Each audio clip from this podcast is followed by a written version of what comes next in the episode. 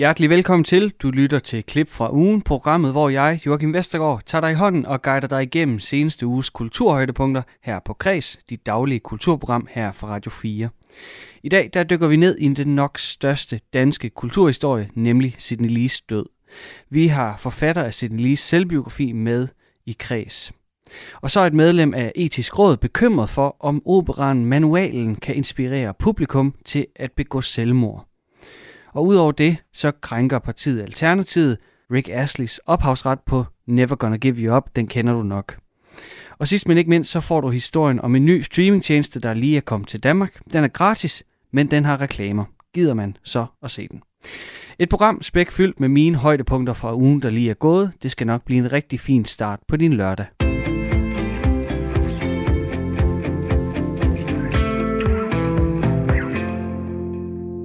Først og fremmest så skal vi se nærmere på reality-stjernen Sidney Lee. Han døde tidligere på ugen. Men hvem var manden? Han var den første reelle reality-stjerne, der forstod at gøre sig selv til et brand. Vi har gæst Maria Hågaard, hun er forfatter til biografien My Reality, og hun snakker sammen med vores vært på kreds, Maja Hall. Danmarks første reality-legende er død.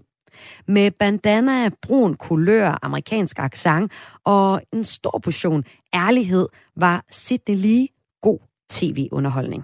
Det ved jeg ikke, det er måske bare mig, men jeg synes ikke, man kan være, komme og være helt bleg. Hvis jeg skal på date eller i byen, så, så er jeg så meget pyller. Kun 43 år blev Sidney Lee. Dødsårsagen er ukendt. Sidney Lee har sat et stort aftryk på dansk reality-tv og var et brand i sig selv. Og det skal vi tale om først her i Kreds. Velkommen til. Mit navn er Maja Hall.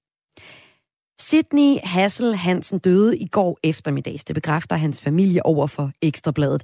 Han var en legende i reality-tv, hvor han i mange år havde rekorden for at deltage i flest reality-programmer i Danmark. Han dukkede første gang op i programmet Single Liv, hvor han helt tydeligt var super ligeglad med janteloven og troede 101 procent på sig selv. Og det var også hovedingrediensen i hans succes. Vi skal nu tale om, hvordan han har lært hele Danmark, at man ikke behøver at komme med en lang, fin uddannelse, eller at man skal være på en bestemt måde for at blive til noget. Det mener min første gæst i kreds i dag, blandt andet Maria Hårgaard. Du har været med til at skrive selvbiografien Sydney Lee My Reality fra 2010. Velkommen til kreds. Tak for det, Maja. Hvordan er det, at Sidney Lee, øh, kan man sige, har gjort op, lavet lidt opgør mod janteloven? Jamen det, var bare, det interessante med ham var at han ramte ned i en tid, hvor det her, øh, som vi ser i dag, hvor man er kendt øh, bare for at være sit eget brand, det er der sådan set rigtig mange, der er i dag, også influencer øh, og, og andre kendte. Øh, det ramte han bare ned i en tid, hvor det var ikke normalt. Han var kendt for at være Sidney Lee, ikke for at kunne noget særligt, hvis man sådan skal sige det groft sagt, Øh, han havde ikke nogen lang øh, uddannelse, han havde kørt ikke karriere, han sad ikke på en høj post. Han var bare Sidney Lee. Og det var anderledes dengang. Det var et fænomen. Sidney Lee, han havde, som jeg sagde, i mange år rekorden for at have deltaget i flest reality-programmer i Danmark. Han har været med i mere end 25 forskellige programmer, som blandt andet tæller Fire Stjerners Middag på Kanal 5, Dagens Mand på TV2, Diva i junglen på TV3 og Single Liv, som altså var hans øh, debut på TV. Her fulgte man forskellige danskere og deres datingliv? Jeg synes, det ved jeg ikke, det er måske bare mig, men jeg synes ikke, man kan være, komme og være helt bleg. Hvis jeg skal på date eller i byen, så, så er jeg sådan meget pyller. Sidney Lee har inviteret Isabella, som han har mødt på nettet til middag. Han bruger altid lang tid på at forberede sig til en date. Jeg går rigtig meget min udseende. Øh, jeg bruger ret meget tid på det. Øh, og jeg er pisselig om andre folk gør det, men for mig er det bare vigtigt. Og hvis folk øh, synes, det er forkert, eller jeg har langt over make-up og selvmord, så må de selv om. Jeg, jeg, jeg gør det udlæggende for min egen skyld, og jeg er ligeglad med andre folk synes. Jeg er ligeglad med andre folk synes. Det er vel sådan essensen af Sidney Lee. Vil du ikke sige det, Maria? Jo, både og. Altså, fordi nu skrev jeg jo den her bog med ham, mm. og der mødte jeg jo en anden Sidney Lee, end den, man så øh, i tv. Og jeg synes jo, at når han kom hjem til mig, og jeg havde sådan en grøn lænestol, øh, som han kaldte psykologstolen, fordi mm. han følte det lidt som en psykolog-sessions, vi havde, når jeg sad og stillede ham alle de her spørgsmål. Der mødte jeg jo også en Sydney, som øh, kunne være usikker, og som snakkede om ensomhed og tomhed, og, og sådan lidt, lidt andre sider, end det man så øh, på fjernsynet. Så jeg har jo også en fornemmelse af, at han øh, skruede op for, for de der øh, altså de der sider, der var, hvor der var masser af selvtillid, og jeg gør bare, som jeg selv vil, og jeg er ligeglad med, hvad alle andre tænker. At det er jo også måske sådan lidt en overlevelsesstrategi, og en måde, hvor man kan klare det. Det, du siger, at han for eksempel også talte om ensomhed, var det også noget, der ja. han mærkede mere af ved at blive en reality-stjerne så stor, som han også blev?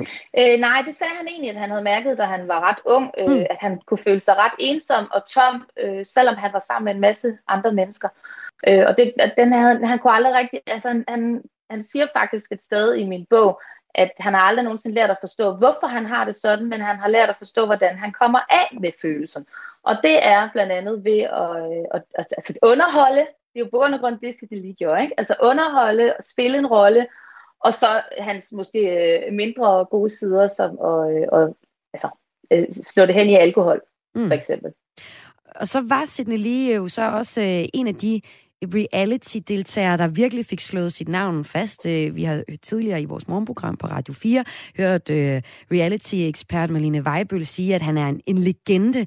Og øh, vi har også talt med en anden reality-deltager, Gustav Salinas, som uh, mange også kender fra reality-tv, hvor uh, han fortæller, at Sidney Lee har været en stor inspirationskilde til, hvordan han har gebærdet sig. Han har for eksempel fået det råd af Sidney Lee, at man aldrig skal tage bussen hen til en optagelse. Man skal altid få arrangøren til at betale taxa, hvis man bliver spurgt om at deltage i noget. Og jeg kan også huske, at jeg engang ringede til Sidney Lee og bedt ham om at være med i noget.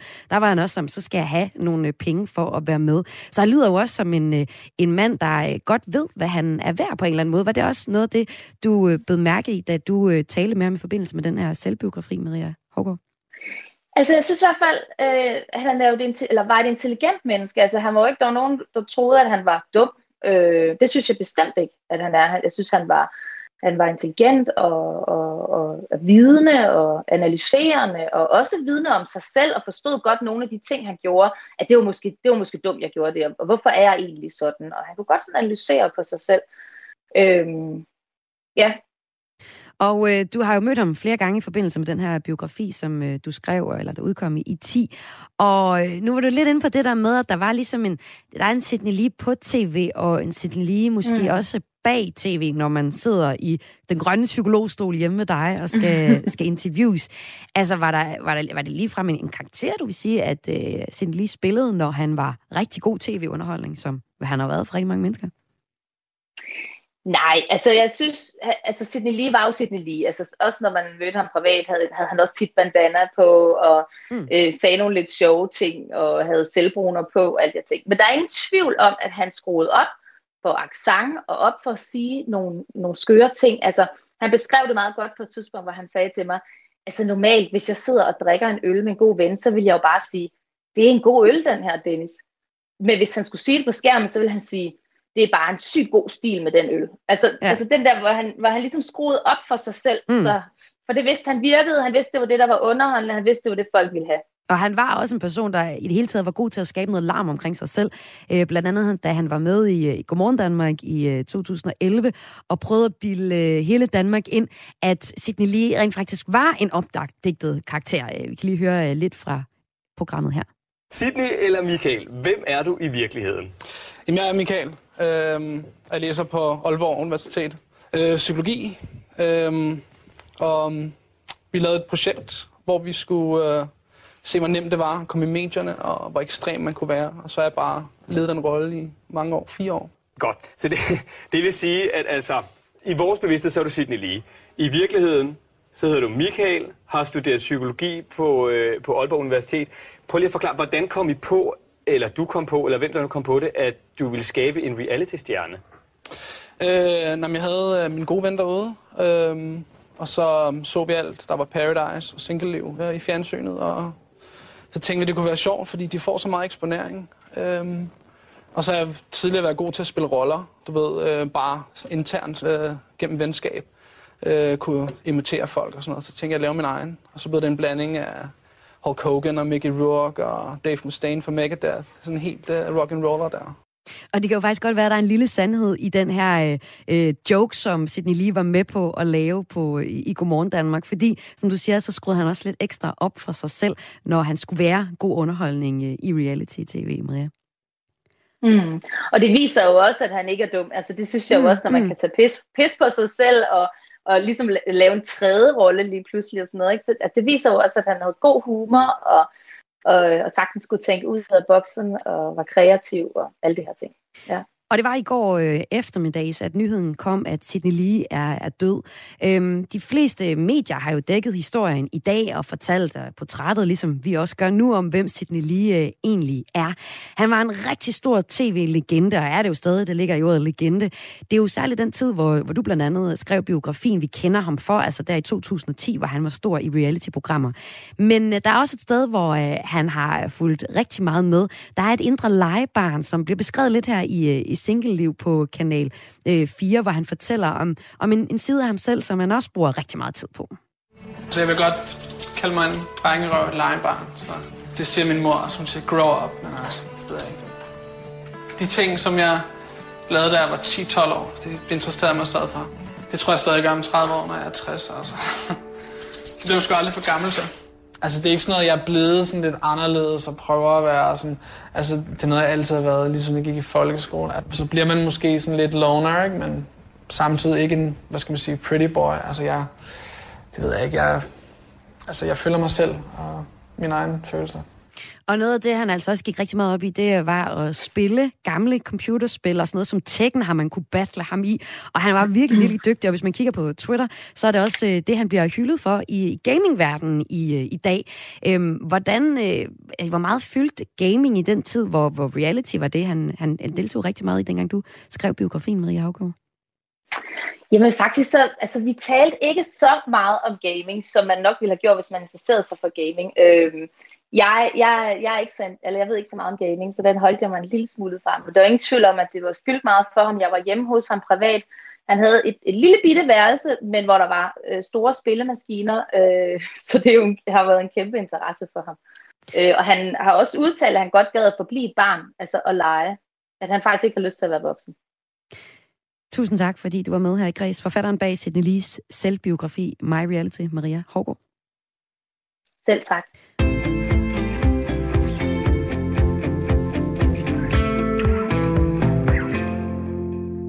Du lytter til et klip fra ugen med highlights fra den seneste uge i Radio 4's daglige kulturprogram Kreds. Og nu skal det handle om en opera. Et medlem af Etisk Råd, han er nemlig bekymret for, om operaen Manualen den kan inspirere publikummet til at begå selvmord. Bliv lige lidt klogere på det her. Kan man lave kunst om en manual, der instruerer i at begå selvmord, uden at komme til at forhærlige selv samme manual? Den debat tog øh, fart tidligere på foråret, da det kongelige teater annoncerede nyheden om, at de opsætter operaen Manualen, som behandler emnet aktiv dødshjælp. Det øh, fik blandt andet min næste gæst her i kreds til at udtrykke sin bekymring. Medlem af Etisk Råd, Morten Bangsgaard. Velkommen til. Ja, tak for det. Det kongelige teater har selv reageret ved at ændre et ord i stykket. Det har de gjort mod kunstnerens vilje, og hvad det går ud på, det vender vi tilbage til. Men lad os lige starte med, at de i søndags der havde operan premiere, og Morten, vi sendte dig ind for at se den, og for at se, om den gjorde dig lige så bekymret som ved øh, formtalen af stykket.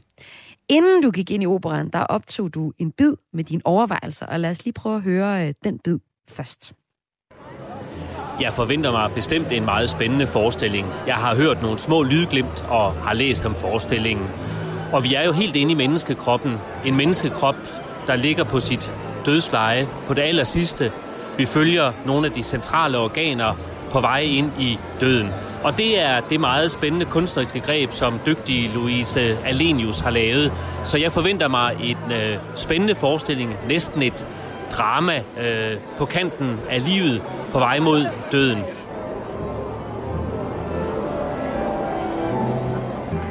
Jeg er bekymret for, at forestillingen, manualen, herliggør øh, den selvmordsmanual, som lægen Svend Links øh, er blevet dømt i højesteret for at lave. Manualen er et værktøj, som i de forkerte hænder kan have en fatal konsekvens over mennesker, der overvejer at forlade livet og tage deres øh, eget liv. Det her var altså et klip med, med dig, Morten, inden du havde inde at se operan. Så nu er jeg jo spændt på at høre. Du øh, var bekymret for, at manualen, øh, den, altså den her Svend Links manual til at begå selvmord, ville blive herliggjort i den her opera. Nu har du så set operan. Blev den øh, herliggjort i din optik, Morten Bangsgaard? Jeg er ikke sikker på, at man kan sige, at øh, manualen, som spiller hovedrollen i, øh, i operan, som havde verdenspremiere i søndags, blev herliggjort. Men den kommer i hvert fald problematisk meget tæt på den virkelige manuals øh, indhold, øh, og det er problematisk. Og hvad din øh, bekymring bunder i, den øh, vender vi tilbage til at folde ud. Nu skal vi lige prøve at se på teatrets egen reaktion på øh, bekymrede stemmer som øh, din. Operan Manualen er inspireret af debatten omkring den øh, kontroversielle danske læge Svend Links. Han har skrevet en manual, der instruerer, altså helt faktuel manual, der instruerer personer med kroniske, psykiske eller livstruende sygdom i at begå selvmord. I 2019 der blev han i højeste ret dømt for at have medvirket til selvmord, og som den første danske læge siden 2. verdenskrig blev han ekskluderet af lægeforeningen. Handlingen i operan-manualen, den udspiller sig mellem de forskellige organer i en døende krop, og bevidstheden, som har truffet et valg om at stoppe smerten for altid, altså om at begå selvmord. Morten Bangsgaard, i øh, programmet til operan stod der faktisk, at et ord i librettoen, altså selve teksten i øh, operan, var øh, ændret mod komponistens vilje. En skal vi også høre fra lige om lidt. Vi har talt med det kongelige teater, som fortæller, at de øh, på anbefaling fra Sundhedsstyrelsen havde ændret navnet på et øh, specifikt medicament, der bruges til at begå selvmord, så man i stedet for brugte ordet hjerteblokker.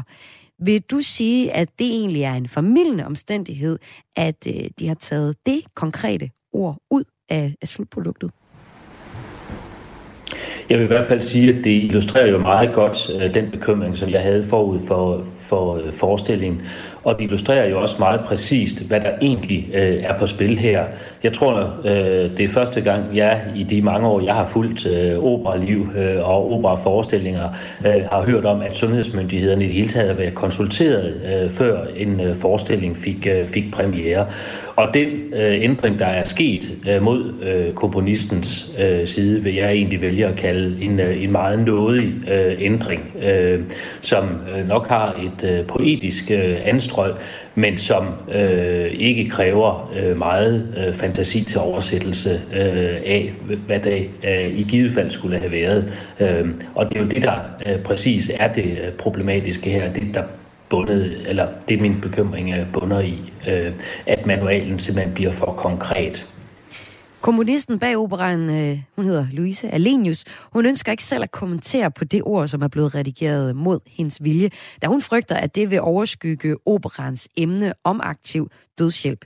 Men inden udsendelsen, der talte min kollega Søren Berggring Toft med operachef på det kongelige teater, John Full James, og spurgte ham om det er censur af kunstnerens værk.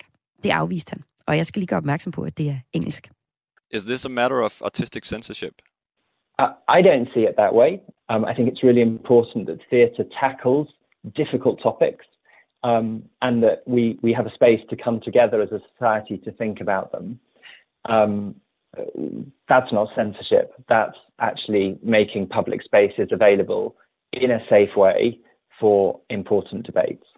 At det operachefen siger her, det er, at vi skal kunne have værker, der handler om svære ting som døden og aktiv dødshjælp. At ændre eller erstatte navnet på et specifikt øh, medicament, der kan bruges til at begå selvmord med ordet hjerteblokker, handler om, at vi skal kunne have en tryg debat. Og øh, Morten Bangsgaard, som medlem af Etisk Råd, vil du sige, at vi øh, på baggrund af den her ændring kan have en tryg debat nu øh, her i kreds, hvor vi taler om det i dag? Jeg synes i hvert fald, at det, øh, som er vigtigt og også viser, hvad der er på spil, det er jo, når man øh, både læser øh, operans øh, program, øh, men også øh, de anmeldelser, øh, der er i, øh, i dagens aviser, ja, så er der øh, jo helt konkret henvisninger til, at øh, hvis man øh, går øh, i, øh, i øh, i selvmordstanker, øh, så skal man ringe til for eksempel øh, livlinjen øh, osv. Og det viser jo lige præcis, at det her øh, er øh, noget, som kan bringe et fortvivlet menneske øh, ud af øh, en, øh, en kurs øh, og, øh, og have øh, meget fatale øh, konsekvenser. Men, men Morten, hvor meget det er mere... det, som kunstnerne har... Øh, hvor meget mere vil du sige, der skulle øh, fjernes eller ændres i øh, den her opera, for at man øh, kunne have en, en tryg og, og god samtale om et, et værk, som øh, fortolker en, en selvmordsmanual, som den jo gør? Jeg er sådan set helt enig med operachefen i, at øh, kunsten, øh, og det er også det, kunsten kan, også øh, kan berige os øh, og folde øh, svære emner ud, også svære etiske emner. Og spørgsmålet om aktiv dødshjælp er øh, et etisk spørgsmål, øh, som har mange øh, nuancer, øh, og det kan man øh, meget fint angribe, øh, også øh, kunstrisk. Og jeg synes sådan set, at der også er grund til, øh, hvis man skal hæve sig lidt op over øh, den, den, den konkrete debat her, og glæde sig over, at vi har fået en, øh, en meget vellykket øh, dansksproget opera. Det sker øh, virkelig sjældent. Øh, så den tematik, som øh, komponisten Louise Alenius øh, ønsker, øh, den synes jeg sådan set øh, har, øh, har vist sig, at det kan øh, bære den. Men det der selvfølgelig sådan i forhold til, øh, hvad der skal være med og ikke være med, det er jo, øh, om man kunne have fået samme debat, samme budskab, øh, samme refleksion, øh, øh, ind, øh, uden at have været øh, helt så konkret øh, i, øh, i forhold til det, der spiller hovedrollen, nemlig selve øh, manualen. Ja, nu svarer du så ikke så konkret, men det er i hvert fald noget med, at den ikke skal være så konkret, som du stadig synes, manualen er, som du var altså inde og se på øh, verdenspremieren her i søndags i øh, det kongelige øh, teater. Og øh, du bliver også hængende her i, øh, i Græs øh, nu, Morten Bangsgaard. Men vi skal også lige høre fra øh, Alenius selv. Min øh, kollega øh, Søren Berggren Toft talte inden øh, premieren med Louise Alenius, der er altså komponisten bag manualen, hvor hun fortalte, at hendes ønske med operan blandt andet er at skabe refleksion over emnet aktiv dødshjælp ved at lade handlingen foregå i en døende krop. Hun fortalte også, at hun ikke mener, at operaen glorificerer Svend Links og hans selvmordsmanual, som vi jo ellers hører en fra Etisk Råd sige her.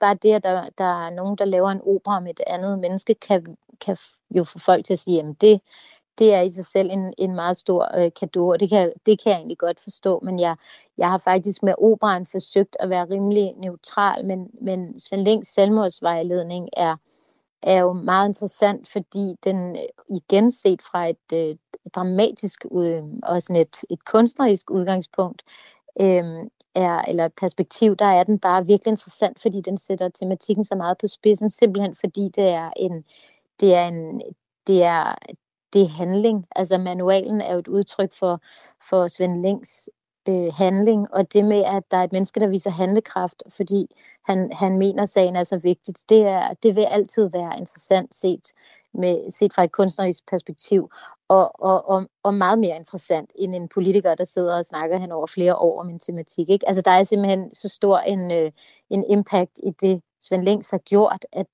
at jeg kan slet ikke komme udenom den, hvis jeg vil ind i den her tematik. Jeg kunne godt have valgt at gribe tematikken an på en anden måde, men, øh, men, men det er bare øh, det er så interessant, at der ligger en lovlig manual på internettet øh, til, at, hvordan man kan tage sit eget liv med, med de her utrolig mange øh, forskellige typer medicin, øh, samtidig med, at det er så svært at tale om. Øhm, altså der, der er bare utrolig mange interessante ting omkring det at lave operaen også her. Men, men, øhm, men derudover øh, synes jeg faktisk også, der er noget smukt i de her manualer, altså ikke, øh, som sådan et, et, et begreb, altså det med, at man har manualer til at gøre forskellige ting, og så har jeg været interesseret i den her manual til at tage sit eget liv. Øhm, men, men hele det med, med med guidebogen som, som et, øh, også et, et udtryk for, for vores tid. Ikke? Det der med, at vi, vi søger hjælp et andet sted for at få noget. Det synes jeg er fedt at tage ind i en opera. Altså det er sådan, det, det synes jeg bare, det, det er smukt, og det er cool, og det er så enkelt på en måde. Ikke?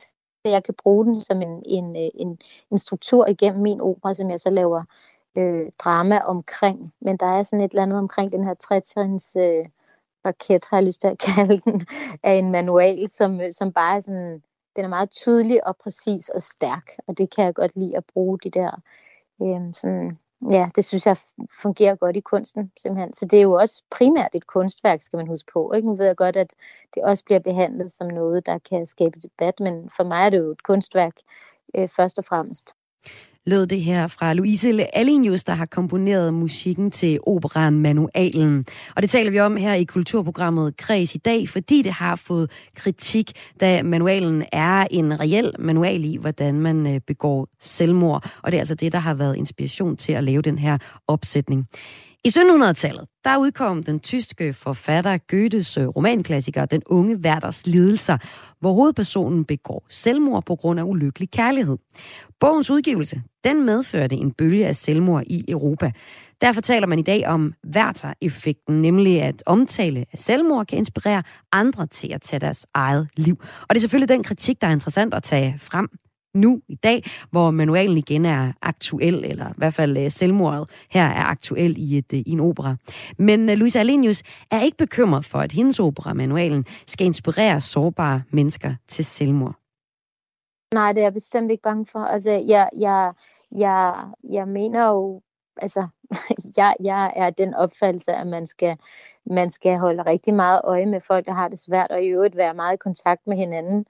Øh, også omkring de ting, der kan være svære. Og det med, at, at man siger, at vi må ikke tale om det, og det, det, vi, må ikke, vi må ikke vise det, men det er så let at finde. Altså for eksempel måder at tage sit eget liv på. Jeg synes, den er svær her. Øhm, øh, jeg synes, det er svært at forestille sig, at et menneske, der har det dårligt, skulle, skulle tage sit eget liv efter, en, efter at have hørt og set min, min opera, vores opera, som er et abstrakt kunstværk. Øhm, uden lige at have været øh, inden forbi internettet før og fundet de utrolig mange tilbud, der ligger der om, hvordan man kan gå på nettet. Ikke? Altså jeg synes, man skal fokusere på at hjælpe de mennesker, der har det dårligt, i stedet for at, at symptombehandle. Det er jo ikke symptombehandling, men i stedet for at, at, at give kunsten skylden. Altså fordi jeg er med på, at vi historisk set har nogle eksempler på, at det er gået så galt, men i dag har vi bare noget, der, der trumfer al kunst i verden, ikke? og det hedder internet, og det hedder øh, sociale medier og måder at kommunikere på internt. Og, altså, det, det er simpelthen så meget større end kunsten, og alle er. Øhm, altså, alle er jo på, øhm, på internettet på et splitsekund. Ikke? Så det der med at sige sådan, ja, så, så er der nogen, der kommer ind og hører den her opera, så, så går de hjem og finder farmors øh, piller og tager dem. Altså, jeg, jeg synes, det er en, øh, en meget mærkelig frygt at, øh, at gå rundt med. En meget mærkelig frygt, at øh, en opera som manualen skulle øh, inspirere nogen til at begå selvmord, siger komponisten bag manualen Louise Alenius. Øh, med mig her i kreds har jeg også fra Etisk Råd Morten Bangsgaard. Du er en af dem, der var bekymret på forhånd. Det hun jo siger her, det er, at, at bare fordi man ser manualen, altså teaterstykket eller operastykket her, så går man jo ikke hjem og, og begår selvmord. Er du bekymret for det? Jeg er helt enig med Alenius i, at øh, vi skal tale mere øh, om døden. Vi har jo fået opbygget en øh, næsten fraværende dødskultur, fordi døden spiller øh, så lille øh, og næsten usynlig rolle i den måde, vi lever vores øh, liv på. I takt med, at øh, vi har ambitioner om at øge vores levealder, øh, så... Øh, synes jeg, det er tankevækkende, at i takt med, at vi lever stadig længere, så stiger øh, ønsket, eller i hvert fald debatten øh, om at lovliggøre øh, aktiv øh, dødshjælp, Men... altså at afslutte livet. Altså øh, for 1700, øh, i 1700-tallet, da Goethe skrev sin, sin, mm. øh, sin øh, unge vaders lidelse, øh, der var det jo ikke et spørgsmål om øh, at, at, at, at tage sit liv, fordi man var øh, blevet for, for gammel, øh, for eksempel. Og, og det, jeg tror, er rigtig vigtigt at forstå, når vi er inde og tale om de mennesker, øh, der har det svært, der overvejer selvmord. Nu fik vi selvmordstallene her for, for nylig. 11.000 selvmordsforsøg øh, om året, heldigvis kun, øh, men stadigvæk mange, 600, øh, der, der vælger at tage deres, øh, deres eget liv om øh, Men Morten Bangsgaard, hvis det jeg lige må gentage mit spørgsmål. Er, er du, øh, efter at have set øh, operan her, som Louise Alenius øh, har stået for musikken øh, bag, er du så bekymret for, at der er nogen, der kan begå selvmord, fordi de har set den her opera? Altså, du kalder Linus øh, operan et abstrakt øh, kunstværk, øh, og det er det muligvis også, men det er også et meget konkret Så du er øh, stadig bekymret? Kunstværk. Øh. Jeg er i hvert fald stadig øh, bekymret over, at man jo får øh, skabt opmærksomhed øh, om noget, som jeg ikke øh, har den samme fascination af, som, øh, som, øh, som, som kunstneren øh, har her. At den fascination af en, en manual. Altså, det lyder sådan øh, som en, en udgivelse fra politikken, turen går til dødsriget, øh, og det mener jeg, øh, man skal være meget påpasselig med. Jeg er helt med på, at kunsten øh, kan... Øh, kan give os øh, refleksioner, nye erfaringer og nye synspunkter, og det er sådan set meget velkommen i forhold til debatten omkring aktiv dødshjælp, men der er mange øh, nuancer med, øh, som vi har øh, brug for at få frem. Og aktiv dødshjælp er jo et uh, reelt debatemne. Jeg ved, det er også noget i etisk råd er, er splittet mellem, om der bør være mulighed for aktiv øh, dødshjælp. Nu, øh, den her øh, opera, den er inspireret af manualen Svend Lings Lægens her reelle øh, selvmordsmanual. Det tog mig ikke mere end 5 sekunder at google den og finde hele manualen, de fire punkter, på øh, nettet her, inden jeg gik ind i studiet. Så har det nogen betydning overhovedet, om et, en, en opera øh, bliver inspireret af en håndgribelig manual til at lave, øh, hvad Alenius jo her kalder øh, en kunstnerisk produktion? Ja, i hvert fald er øh, abstrakt øh, kunstværk. Altså, mm. der er nogen, der har været ude at sige, at operan slet skulle have haft lov til at have premiere i øh, søndags. Det er jeg uenig i. Jeg mener, at, at kunsten skal være fri, men selvom kunsten er fri, er kunsten jo ikke ansvarsfri. Øh, og derfor skal man være så meget bevidst om det her. Og jeg synes, øh, nogle af de eksempler, vi øh, startede indslaget med, øh, at der er blevet øh, rettet i hvert fald et enkelt ord, at øh, der bliver gjort opmærksom på, hvis man går i selvmordstanker, hvor konkret man skal øh, ringe til øh, osv. Det viser jo, øh, hvad der er på spil, og hvad også andre end jeg er bekymret for. Og Morten Bangsgaard, for lige at vende tilbage til et spørgsmål, jeg stillede dig øh, tidligere i den her snak. Altså, så du gerne, at der var flere øh, konkrete ord eller akter i den her opera, der var øh, taget ud eller ændret, for ikke at den blev så håndgribelig, som du jo øh, er bekymret for, at den er? Jeg synes faktisk, det var ret interessant, at hvis man sad og så på, hvor konkret dødsprocessen egentlig var, fordi de øh, sceniske greb i Marie Idalis uh, meget øh, fine og meget spændende og konkrete uh, scenografi, altså hvor vi følger de helt stærke og centrale nøgleorganers aller sidste livs øh, kamp, øh, før øh, dødsprocessen slutter øh, med selve døden, så synes jeg sådan set, at det var interessant øh, at stille sig et lidt andet spørgsmål, nemlig, havde manualen egentlig gjort en forskel, hvis den ikke var der? For virkeligheden er jo, at den sådan fremmedhed øh, eller fremmedgjorthed, vi har over for øh, døden og det at dø, øh, er jo... Øh, er måske og, og når du siger det bare for at forklare over for lytteren, så er det fordi, at manualen var en, en, en fysisk figur i den her opera. Den var en fysisk figur, øh, præcis, ja, øh, som, øh, som til sidst kommer øh, og er den, øh, der udfrier øh, den lidelse, som vi jo alle sammen er bange for. Men virkeligheden er jo i dag, at for spørgsmålet om aktiv dødshjælp måske var meget mere aktuelt for to eller tre år siden, så har vi jo i dag en helt anden øh, professionalisme og ekspertise inden for palliation, altså det at lindre øh, smerter øh, og lidelser. Og smerter kan jo sådan set kan nok være fysiske, men lidelse er måske noget, der rækker ud over også fysiske smerter, som kan være åndelige. Det har vi en helt anden øh, professionalisme og ekspertise i øh, at lindre i dag. Så spørgsmålet er egentlig, om aktiv dødshjælp har overflødigt gjort sig selv, ikke? Så lød det i hvert fald for medlem af Etisk Råd, Morten Bangsgaard. Tak fordi du var med i Kulturprogrammet Kris i dag. Ja, du er velkommen. Hvis dig, der lytter med, selv har en krise eller har tanker om selvmord, så se det til nogen, der ikke er selvmordstroet. Du kan ringe anonymt til livslinjen på 70 201 201. Du kan også øh, chatte på www.livslinjen.dk eller få netrådgivning på www.skrivde.dk eller kontakte et af landets kompetencecentre for selvmordsforebyggelse.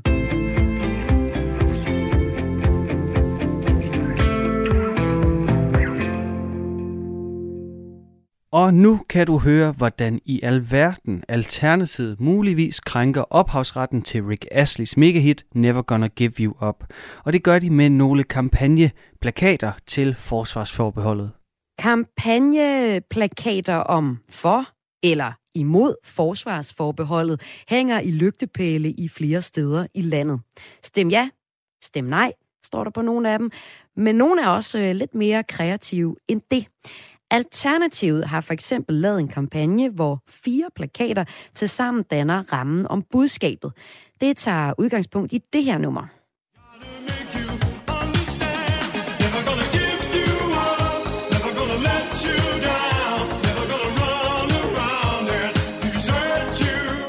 Alternativets EU-kampagne er en parafrasering af Rick Astley's 80'er-hit Never Gonna Let You Down, som vi lige hørte lidt af her. Så på den øverste plakat, så står der bare ja. På den næste står der Never Gonna Give EU op, og så står der Never Gonna Let EU down, og endelig står der så Never Gonna Run Around and Desert EU. Så de har simpelthen været så smarte at øh, fjerne you, og så erstatte det med EU. Eller jeg ved faktisk ikke, hvor smart de har været, fordi kampagnen er ikke helt uproblematisk. For Alternativet har ikke sikret sig rettighederne til at bruge sangteksten i deres kampagne, og dermed krænker de ophavsretten. Det vurderer professor i ophavsret på Københavns Universitet, Morten Rosenmeier. Jeg synes, det er nogle vældig gode øh, og sjove øh, reklamer, men hvis du spørger så direkte, øh, så kan det godt være, at jeg måske er bange for, at jeg tror, at de er ikke sådan lige inden for skiven. Jeg, jeg tror, der kan være et ophavsretligt uh, problem i dem. Det er nok desværre ikke min vurdering, at de er inden for øh, uh, citatretten, fordi det, man må ifølge loven, det er at citere i overensstemmelse med god skik. Og her i antages blandt andet at ligge, at man ikke kan citere uden tilladelse i reklamer og lignende herunder politiske kampagner. Desuden er det et almindeligt princip, at man normalt ikke kan ændre citater, og det har Alternativet jo, øh, jo gjort her. Fordi øh, der, hvor der står you i den øh, oprindelige sangtekst, står der nu EU. Og kan man, kan man sige, at de måske kan dække sig ind over, at det er en parodi? Jeg tror faktisk også, det kan være op ad bakke for Alternativet at dække sig ind under, at der er tale om en parodi.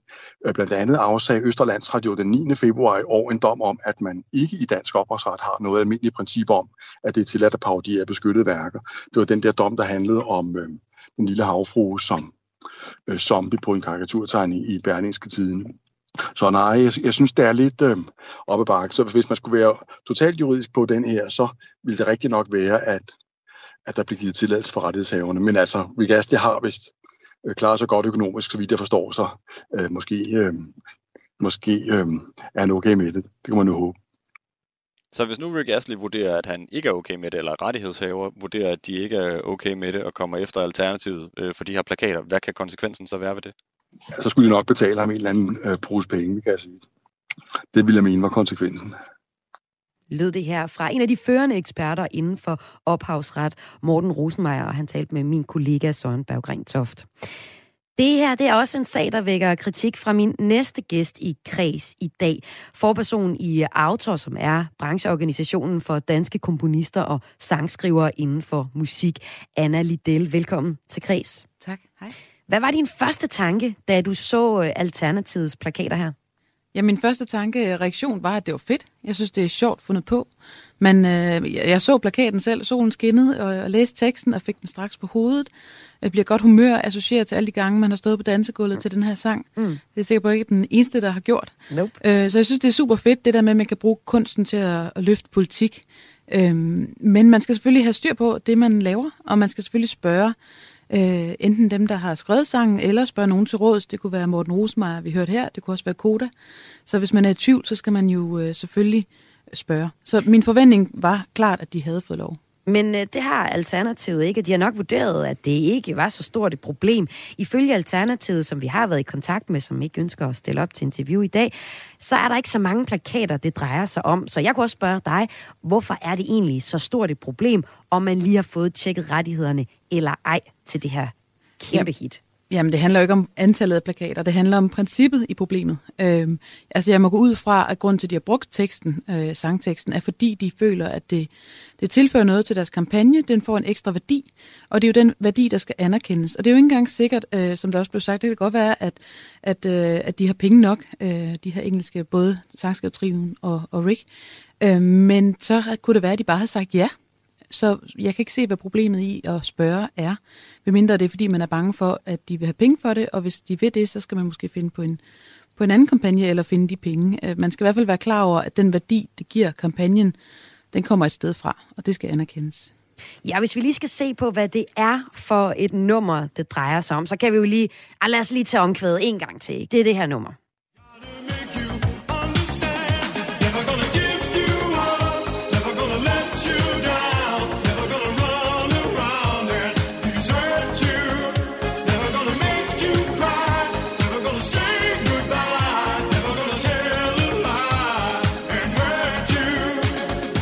Så det nummer, Alternativet har lånt fra til deres øh, valgplakater, eller kampagneplakater, der hænger lige nu, det er fra det her nummer Never Gonna Give You Up. Det var Rick Astleys debutsingle og blev udgivet, altså debut, og vildt, at han så slog så stort igennem i 87, hvor, hvor nummeret kom ud.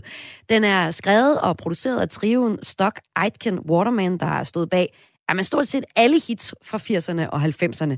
Og øh, det her det er jo så en historie om Alternativet, der har lånt fra det her nummer, men det er ikke første gang, at et politisk parti i Danmark benytter sig af popmusik, uden helt at have styr på rettighederne. Prøv for eksempel lige at forestille dig, hvad Dansk Folkeparti har fået ud af, af det her nummer.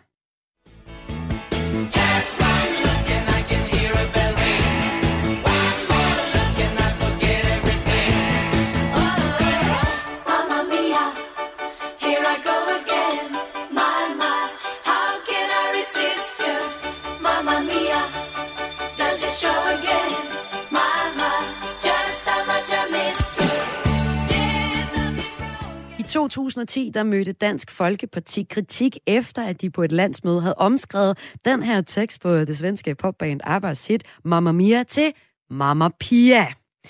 Dengang sagde ABBA-medlemmet Benny Andersson ifølge Ritzau til den britiske avis The Daily Telegraph, at for det første kan du ikke bare skrive sangen om, som du vil, og for det andet ønsker vi, at de forstår, at vi absolut på ingen er ingen interesse i at støtte deres parti, og det var altså til Dansk Folkeparti. Dansk Folkeparti slap dog for et sagsanlæg, da de lovede ikke at bruge sangen mere, nogensinde mere at synge Mamma Pia.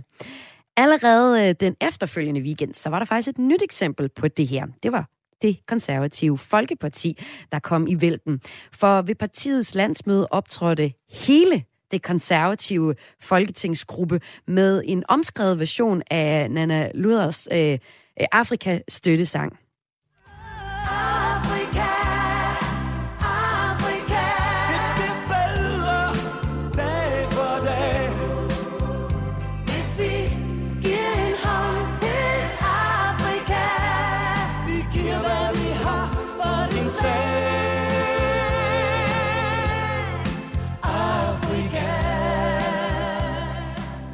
Heller ikke de øh, konservative havde sikret sig rettighederne, og derfor blev partiet dømt til at betale 50.000 kroner for ulovlig brug af sanger. Der er flere eksempler på det her. I 12, der blev Venstre dømt for at betale 100.000 for umræssigtmæssigt at have brugt øh, uh, laid back hittet Sunshine Reggae til en kommunalvalgskampagne i uh, Aalborg.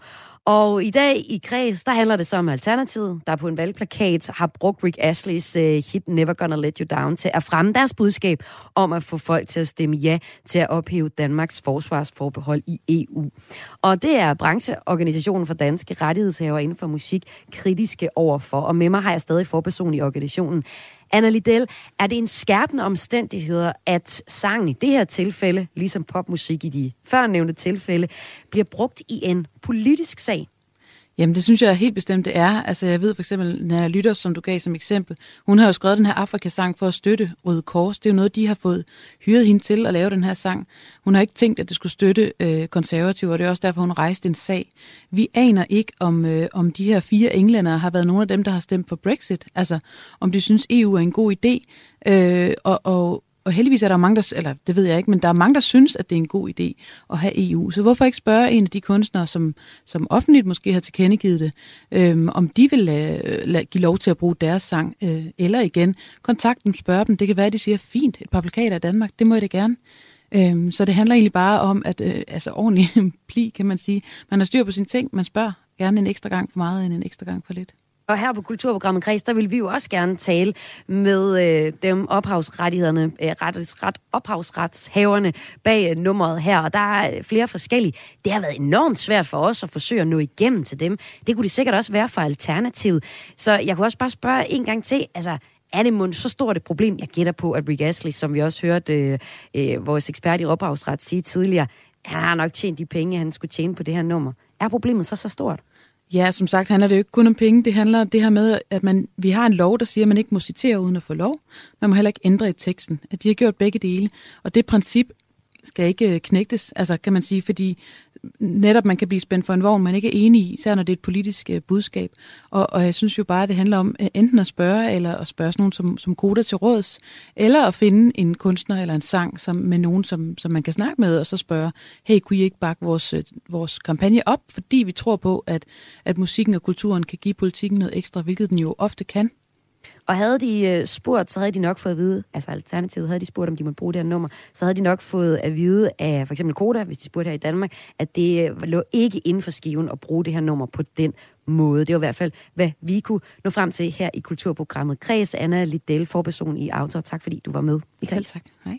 Vi vil naturligvis gerne have spurgt Alternativets salg øh, om den her sag, og hvordan de forholder sig til, at deres kampagneplakater, der parafraserer Rick Asleys pophit Never Gonna Give You Up, krænker ophavsretten, men de har ikke ønsket at stille op.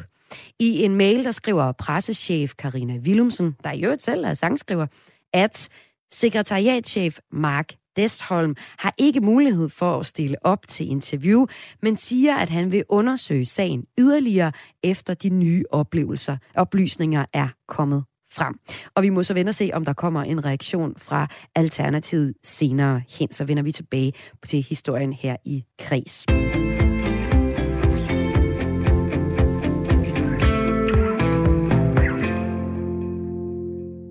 Du lytter til klip fra ugen med highlights fra den seneste uge i Radio 4's kulturprogram Kreds. Nu skal vi høre lidt om en ny streamingtjeneste, der lige er blevet lanceret i Danmark i onsdags. Og her skal der helt unikt indhold til på den nye reklamefinansierede streamingtjeneste Pluto TV, hvis altså den skal blive en reel konkurrent til f.eks. Netflix, HBO Max, you name it. I dag bliver en ny reklame reklamefinansieret streamingtjeneste lanceret. Den hedder Pluto TV. Og øh, skal den lykkes på et jeg vil sige, ret overophedet øh, streamingmarked, hvor Netflix for eksempel i dag har fyret 150 medarbejdere på grund af tab af kunder, så skal den have noget fuldstændig eminent indhold, som vi bare må se, for at vi gider også at glo på reklamer, så lyder det fra en medieforsker. Og nu her i Græs, der har jeg nordeuropæisk chef for Pluto TV, Jesper Dahl. Velkommen til dig. Tusind tak. Hej Maja. Her øh, på, hej, og her på, øh, på Pluto, Pluto TV, der kan jeg for eksempel se gamle kendinger som South Park, jeg kan se Masterchef, og jeg kan se Familien på Bryggen. Men øh, Jesper Dahl, hvad er sådan det fedeste indhold, I har? Hvorfor er det, at jeg skal vælge jer, og så også vælge en masse reklamer til? Jamen, grunden til, at du skal vælge os, det er, fordi at vi kommer ind på det danske marked med over 70 tv-kanaler og 5.000 timers indhold, du kan vælge selv. Og det er alt lige fra, hvis du er et barn, jamen så er der 12 børnekanaler, til re- og så er der reality-serier, der er film til dem, der elsker film, og der er dokumentarer osv. Så, så, jeg skal vælge jer, hvis jeg bare gerne vil have meget. Det er utroligt bredt, ja. et bredt, bredt udvalg, og du skal vælge også, hvis du gerne vil have noget, der er 100% gratis, og øh, også hvis du er træt af at sidde og vælge selv hver eneste aften, øh, fordi vi har lavet en masse fantastiske kanaler til, mm. øh, til jer alle sammen. I er jo så et, øh, en reklamefinansieret streamingtjeneste, og så kunne jeg jo godt tænke mig at høre, betyder det så, hvis jeg nu vælger at se øh, South Park hos jer, øh, bliver jeg så afbrudt sådan hver kvarter, eller hvordan er det? Altså, jeg kan huske, det, det gjorde jeg for eksempel på de, på de gode gamle kommercielle tv-stationer. Jamen, du bliver sådan cirka afbrudt lige så meget, som du gør, øh, gør på de traditionelle tv-kanaler, du har i, øh, ja, det kan i jeg simpelthen ikke huske længere. Så, øh, og der er ikke, er det og der er ikke kvarter, meget, eller? Der er ikke mere end det. Nej, ja, noget lignende, øh, Okay. øh, men med korte breaks, øh, to-tre minutter øh, agtigt. Men altså, hvis du kommer ind på Pluto øh, kl. 8 om aftenen, så rammer du ikke et reklame lige med det samme. Du, ved, du, øh, du rammer reklamerne der, hvor det nu bliver skeduleret ind i forhold til den traditionelle tv-guide. Så, øh, så det kommer med nogle små reklamer her og der. Modsat uh, Netflix... Til gengæld er det helt gratis. Det, det, det forstår jeg. Jeg forstår byttehandlen. uh, modsat Netflix, HBO uh, Max, Disney Plus og Amazon Prime, så viser Pluto TV altså tv-reklamer, mens man ser uh, for eksempel en serie eller en film. De fleste danskere vil jo ikke rigtig se reklamer, når de skal se øh, fjernsyn. Under halvdelen, 45 procent, var interesseret i en gratis streamingtjeneste til gengæld for an- annoncefølge. Det betyder altså 65 procent ikke er interesseret i at blive forstyrret af reklamer. Og øh, det viser en rundspørg fra analyseselskabet Vilke. Og sådan cirka fordelt svarene sig også, da min kollega Joachim Vestergaard var på gaden i Aarhus for at spørge danskerne, hvordan de havde det med reklamer. Hvis du nu, jeg jeg opstiller lige et scenarie her. Hvis du nu skulle øh, tegne et nyt abonnement på en streamingtjeneste, vil du så helst øh, have en streamingtjeneste, hvor at der er annoncer og reklamer, men det er gratis, eller at du så betaler, og du undgår alle reklamerne og annoncerne? Hvad vil du helst? Så vil jeg helst betale og undgå reklamerne. Hvorfor det? For jeg gider ikke bruge min tid på reklamerne. Er tiden for dyr? Øh, min tid er for dyr, skulle jeg til at sige. Jeg, jeg har bare ikke... Øh, når jeg sidder og ser noget, så gider jeg ikke afbryde i det, jeg sidder og ser. Jeg hedder Birgitte, og jeg bor i Aarhus. Jeg har Netflix og HBO. Jeg vil nok vælge den gratis med reklamer, tror jeg.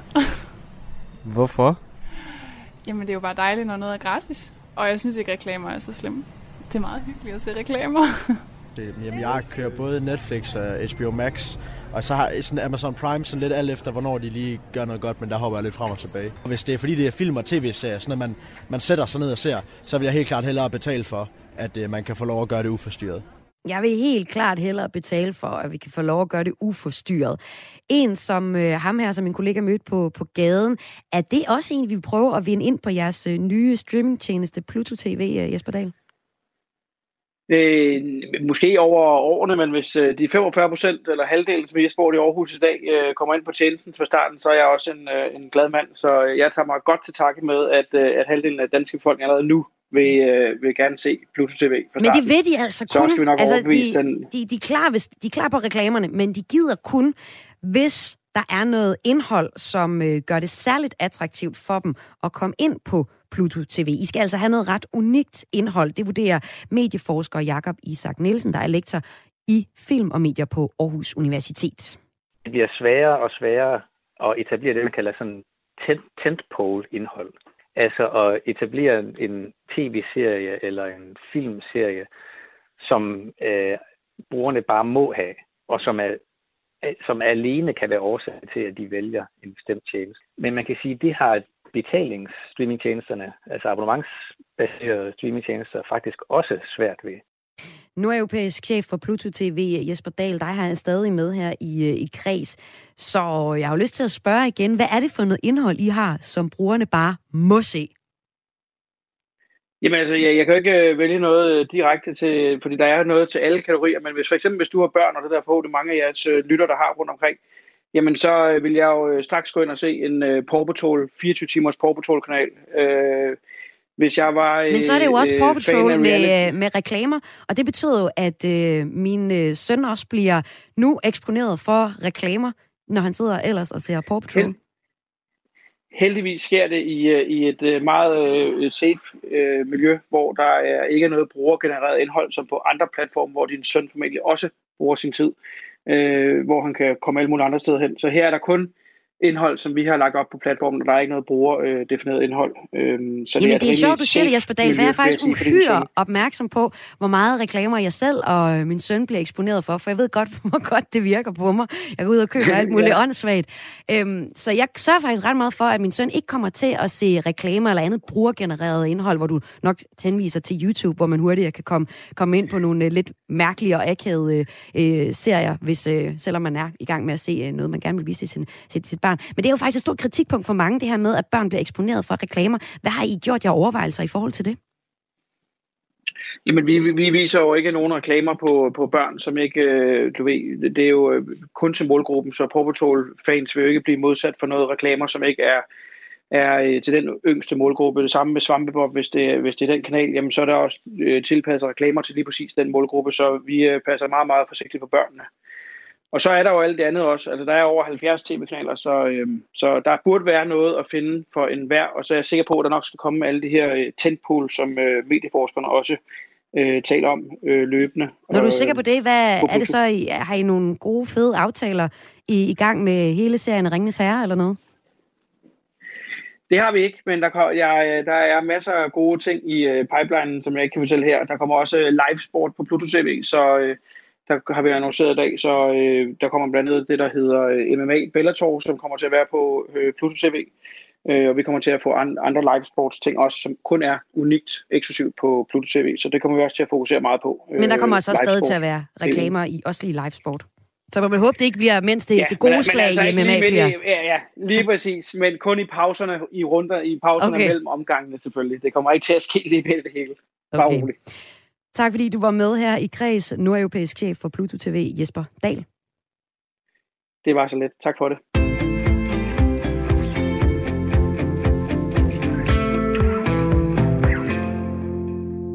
Og det var mine udvalgte kulturhøjdepunkter, og dermed også inde på klip for ugen for den her gang. Gå nu lige ind og find programmet, så kan du høre den i fuld længde, det kommer du ikke til at fortryde. Den kan findes i din lokale podcastbutik eller på radio4.dk. Du kan også høre det live i næste uge, hvor Kreds sender fra mandag til torsdag på Radio 4 mellem 14 og 15. Du har lyttet til klip fra Kulturprogram Kreds her på Radio 4. Mit navn det er Joachim Vestergaard. Vi lyttes ved i næste uge, samme tid, samme sted. Tak fordi du lyttede med.